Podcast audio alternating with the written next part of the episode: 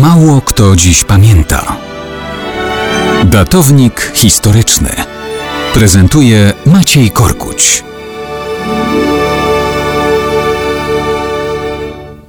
Mało kto dziś pamięta, że 14 stycznia 1947 roku, a więc dokładnie 75 lat temu, zakończył życie Mieczysław Wondolny, pseudonim Granit Mściciel. Pewnie by tak nie było, gdyby Polski nie rozjechały walce totalitaryzmów. Mieczysław Wondolny był pierwszym pokoleniem urodzonym i dojrzewającym w wolnej ojczyźnie.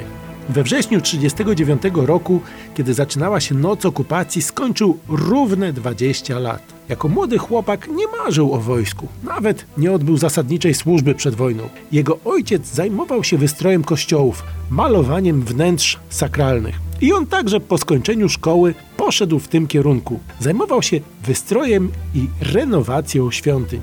Wojna zmieniła wszystko. Obaj z ojcem jeździli jeszcze do Krakowa zarabiać malowaniem, ale był też przerzut ludzi i towarów przez pobliską granicę generalnego gubernatorstwa w powiecie wadowickim. Prawdopodobnie przerzucali także członków konspiracji i Żydów. W końcu sam Wondolny trafił do niepodległościowych oddziałów Ludowej Straży Bezpieczeństwa. Po wkroczeniu Rosjan wraz z kolegami z konspiracji próbował przejąć posterunki milicji w powiecie wadowickim, formalnie wstępując do MO, ale został też działaczem Polskiego Stronnictwa Ludowego.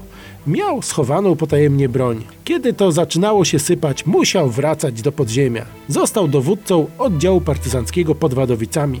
Dał się oddziałom komunistycznym mocno we znaki. W dokumentach bezpieki przyznawano, że to ludność miejscowa wskazuje mu komunistycznych aktywistów, przy okazji wspierając wywiad na temat UB i KBW oraz dostarczając Wondolnemu żywności i miejsc zakwaterowania. Seria obław w grudniu 1946 roku przynosi więcej strat komunistom niż partyzantom, ale 12 stycznia 1947 przypadkowo UB dostaje w ręce jego łączniczkę.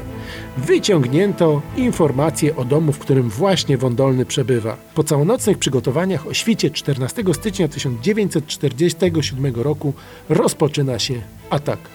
Wondolny próbuje wydostać się z matni. Tym razem nie ma szans. Otoczony w zagajniku podkłada sobie pod brzuch granat i wyciąga zawleczkę. Żywym się ubekom oddać nie zamierzał.